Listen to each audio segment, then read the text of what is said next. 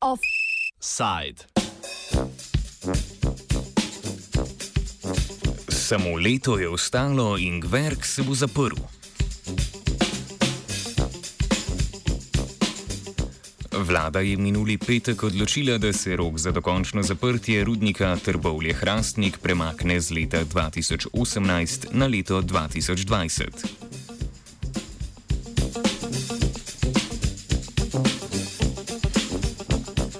Ne gre za prvi odlog zaprtja rudnika, ki to več ni. Rudnik Trbovlje Hrastnik, krajše RTH, je iz proračuna prejel še zadnjih 3,1 milijona evrov za program zapiralnih del po posameznih programskih sklopih, ekološko prostorsko sanacijo in postopke za zapustitev rudnika.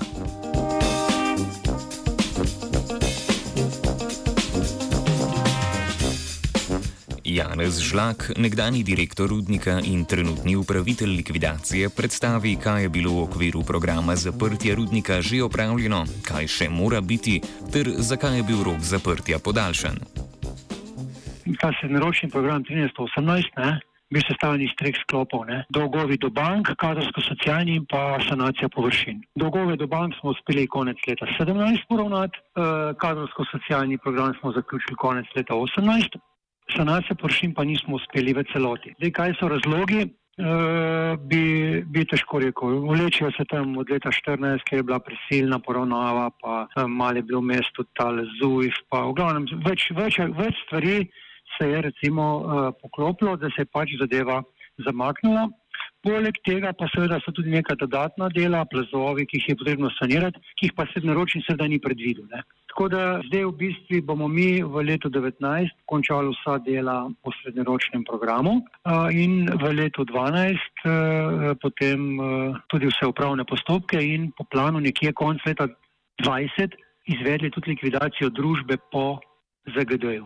Če bo seveda izbris rudnika po rodarski zakonodaji uspešen. Žlako temeli svoje prepričanje, da bo družbi Rudnik Trbovlje Hrastnik uspelo dokončati postopek zaprtja. Kar se tiče rudnika, oziroma tisto, kar je v domeni eh, RTH v likvidaciji, pa meni kot likvidacijskega definitivno je seveda to mogoče. To pa zato, ker so vsi postopki, recimo izvajalcev, pogodbe, vse to je uh, že dejansko končano. In takoj po nakazilu teh 3,1 milijon, ki je še bil neporabljen, ki recimo nismo prekoračili z teh let, namenjen za sanacijo, ne, bomo mi v bistvu s, tem, s temi sredstvi ta dela posrednoročnim končali. Seveda pa veste, da je to bilo 215 let izkopavanja ne, in uh, zemlja je gibljiva. Ne. V primeri, da se pa naredi, ne vem, podori, poruški, karkoli, ne, pa se zadeve lahko, lahko zamakne, ampak eh, mi verjamemo, da so jame tako kvalitetno zaprte, da do tega ne bo prišlo. Postopek odpuščanja je bil eden izmed programov v pristojnosti RTH, ki je že zaključen. Večina zaposlenih je bila odpuščena do decembra 2018. Žlak pojasni, koliko ljudi je še zaposlenih ter kakšne naloge opravljajo. Glavnem kadrovsko-socialni program, ki je pomenil razrešitev vseh, vseh zaposlenih, je bil končan 31.12.2018. Ker pa vemo, da je pa firma živa, so poleg mene eh, še, eh, je šest zaposlenih za določen čas, tisti, ki so nujno potrebni, dokler je jama, prav varnostni rodarski inženir, tehnični direktor jame in tako naprej. Vodja zapiranja oziroma sanacije površin. Eh, nekaj zaposlenih imamo na SP-ju, uh, ostalo pa se da tržimo kot storitvene. To, vse, to pa vse toliko časa, dokler se pokaže potreba potem, ker sem omenil, ti, ki so pa za določen čas in pa pogodbe uh, potečejo najkasneje, najkasneje 31.12.2020. Preko podjemnih pogodb, preko SP-ov oziroma preko, preko storitev, uh, ki jih pač na javnih razpisih zberemo. Ne. Zdaj pogledamo varovanje, čiščenje in uh, tako naprej. Ne. Naslednji dve leti je del dožnosti rudnika Trbovlje Hrastnik tudi izplačevanje tako imenovanih rent, mesečnih izplačil rudarjem, ki so se trajno poškodovali na delovnem mestu. Po letu 2020, ko bo podjetje Rudnik Trbovlje Hrastnik prenehalo delovati, bo izplačilo rent pristalo v pristojnosti države. Izplačilo rent je tudi del fi fiksnih stroškov povezanih z muzejem.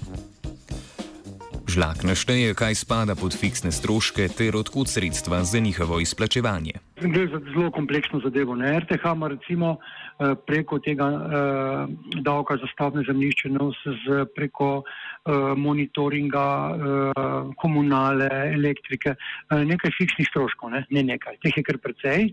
In eh, ti fiksni stroški bodo ostali tudi takrat, ko bo eh, RTH prenehal, ne? se pravi, ko bo likvidiran. Ne? In po pravilu v likvidaciji se vse premoženje se prenese po končanju, če ga kaj ostane na državo uh, oziroma na občine. Ne. In uh, damo jim primer vzdrževanje površin, ne, se pravi sedaljnikov, uh, košnja trave in tako naprej. Vse to bo mogel nekdo skrbeti tudi po RTH-ju. In uh, zdaj uh, v tem trenutku, če bo od lokalne skupnosti, seveda lokalna skupnost preko komunalnih služb, Eh, če bo pa eh, država pa preko, preko ustreznih ministrstv, ne, ki skrbijo za pravi, bodi si misli za okolje, kakorkoli že. Mi, mi se vrtimo v krogu tega programa, v katerem so tudi ti fiksni stroški opredeljeni.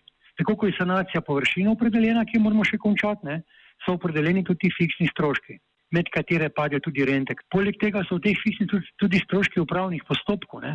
Mi moramo vedeti vsako vlogo, ko jo oddamo za izbris določene parcele, ne, uh, ima za seboj uh, določene projekte za sanacijo, za izvedbo projekt izvedenih del in ne na zadnje neke upravne takse. Ne. Tudi to stane, ne. dokler ne pride do izbrisa. Ne. Tudi to je kalkulirano v programu. Treba pa je seveda bdeti nad tem, da so seveda stroški, uh, stroški kot smo rekli, minimalni. Ne. To se pa naredi skozi uh, javne razpise, javna naročila, ne, skozi veljavne postopke, ki za družbo RTH kot tako veljajo. Vsota, ki jo je vlada namenila za RTH za dokončanje zaprtja, je 3,1 milijona evrov. Žlak predstavi, kaj se iz te vsote financira in opiše še drug vir zaslužka. Teh 3,1 je namenjeno strogo in izključno samo za sanacijo. Mogoče pa nismo omenili, kje odkje pa ostali denar ne, za, te, za redno likvidacijo družbe, seveda tudi pa s prodajo premoženja družbe, se pravi opreme, uh, tako premične kot nek se prav stavb nepremičnega premoženja ne, uh, in uh, zemljišč recimo. To so pa dodatni viri, ki RTH v likvidaciji zagotavljajo sredstva za pokrivanje teh stroškov, ki smo jih preomenili se pravi, fiksnih stroškov, uh, da, da je sploh omogočeno normalno poslovanje družbe. Ker kljub temu, da je družba RTH v likvidaciji, ne, uh, gre za normalno delovanje družbe, ker smo v redni likvidaciji. Nekaj drugega je prisilka, pa nekaj drugega je stečaj.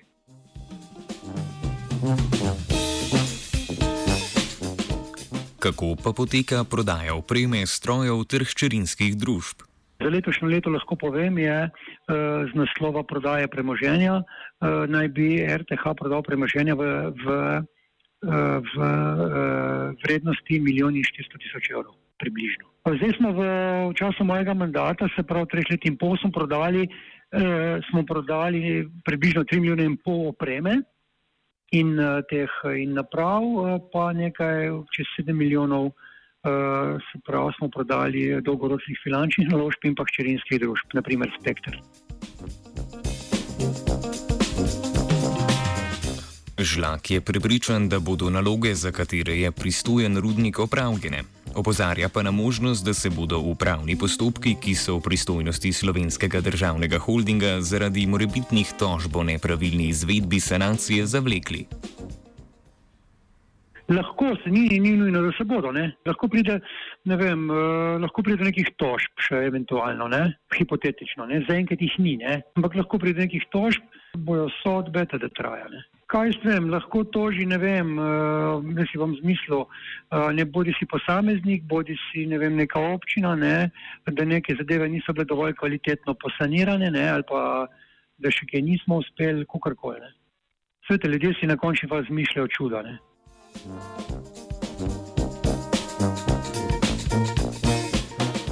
Medtem ko se torej izvajajo zadnji postopki za zaprtje rudnika, pa muzeji poskušajo ohraniti spomin na nekdanjo slavo rudarstva v Rdečem revirju. Rudarstvu se v Hrastniku in Trbovljah posvečajo trije muzeji. Muzej Hrastnik ter Trbovljska muzeja, Zasavski muzej Trbovlje in virtualni muzej rudarstva četrti Dritel.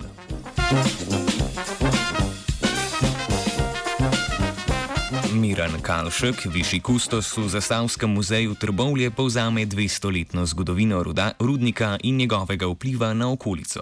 Zastavski rudniki To mislimo predvsem področje Trbovja, Hrastnika, Zagorje, deloma tudi seveda Laško in pa celo na Dolenjskem. To je področje, ki je bilo pred odkritjem premoga praktično kmečko izredno zaostalo, nedostopno, infrastrukturno, kot je še danes dejansko, imamo samo eno cesto v Trbovja, Hrastnik. Zadovoljstvo je pomenilo tisto odpiranje teh krajev po eni strani, po drugi strani pa dejansko degradacijo v današnjem času. Zdaj, rudniki so delovali nekako 200 let, za sebo so potegli enostavno razvoj industrije, predvsem težke, seveda ne lahke industrije, ki je dejansko vplivala na življenje in tudi razvoj samih krajev. Če boste obiskali te kraje, boste videli pač te naše znamenite kolonije rodarske. Tukaj govorimo o par tisoč stanovanjih rodarskih, ki so bile zgrajena nekje od 1880 pa do 1000, eh, bomo skoraj rekli, do konca prejšnjega stoletja. Ker v teh krajih je bilo nekje od 5 do 6 tisoč ljudi zaposlenih v rudnikih direktno, pa še nekaj 2 do 3000 posredno. Eh, tudi dejansko to pomeni nekako med 3 med 30 in celo do 60 odstotkov v posameznih obdobjih. Zdaj, razcvet rudnika, kdaj je bil? Razcvet je predvsem takrat, kadar je bil dobiček, zahtevan visok dobiček oziroma po vojni zahtevana produkcija premoga, da pokrije potrebe ne samo slovenske, tudi slovanske tržišča. In zaradi teh orientacij na širš področje, ne pa na osko področje, ni bilo dopustnost izredno visoka. Eksploatacija rudnikov je prav tako izredno visoka in ko je bilo pač nekako tega obdobja konec, je pač po tih krajih nekako podpisali sami svet bankrot. Ker na to rudnike je bil en lep del industrije od gradbeništva, se govorimo o tej družbi CPD pred vojno, 80 let skoraj, in po vojni nekako združeni rudniki so imeli v okviru tudi cementarno, opekarno, elektrarna bila vezana, radična bila vezana, zdaj bi ne živela na ta del. In potem dejansko se danes smo v tem situaciji, ko smo, lahko ne, ne sem krivimo rodarstvo za to, na rekovaj krivimo. Po drugi strani pa rodarstvo prineslo pač ta razvoj, da so sploh te kraji obstalo oziroma da so takšni, kot so danes. Virtualni muzej rudarstva četrti Dritel v nasprotju z Zasavskim muzejem Trbovlje problema s predmeti nima saj je njihovo rudarsko urodje prišlo iz rudnika. Vesna Jesih iz virtualnega muzeja predstavi statistiko obiskovalcev v dve leti starem muzeju ter namen virtualnega dela muzeja. Virtualni muzej rudarstva četrti Dritl, ki se nahaja v delovskem domu Trbovlje, je v svojih dveh letih obstoja v bistvu gostil že okrog 10 tisoč obiskovalcev, ki prihajajo iz različnih koncev, ne samo Slovenije, tudi Evrope in sveta. Zanimivo je pa po eni strani tudi za domačine, ker je razdeljen na dva, dva dela. Eden predstavlja čist tak fizičen del, se pravi imitacijo rudnika, v drugem delu pa so obiskovalci povabljeni na virtualni sprehod skozi jamo. Torej, nadenejo si virtualna očala in uh, skozi njih vidijo prostore, v katere v bistvu človeška noga več ne bo stopila nikoli. Virtualni del je bolj namenjen temu, da mi, mi želimo ljudem v ljudeh um, najti um, oziroma ljudem pokazati eno stvar, ki se reče humanizacija tehnologije. In sicer, da ta nova tehnologija, ki nas prežema na vseh korakih, ni več nujno um, tista, ki nas odtujuje. Ampak če razumemo in če pravilno uporabimo, je lahko tudi tista, ki nas zbližuje in ki nam prikazuje določene stvari, ki jih drugače mogoče ne bi mogli videti, ali pa ne bi mogli doživeti, kot je naprimer strehod po jami, uh, lahko to naredimo skozi um, virtualizacijo. Offside, ki nje se do Hrastenka, je pripravila Gea.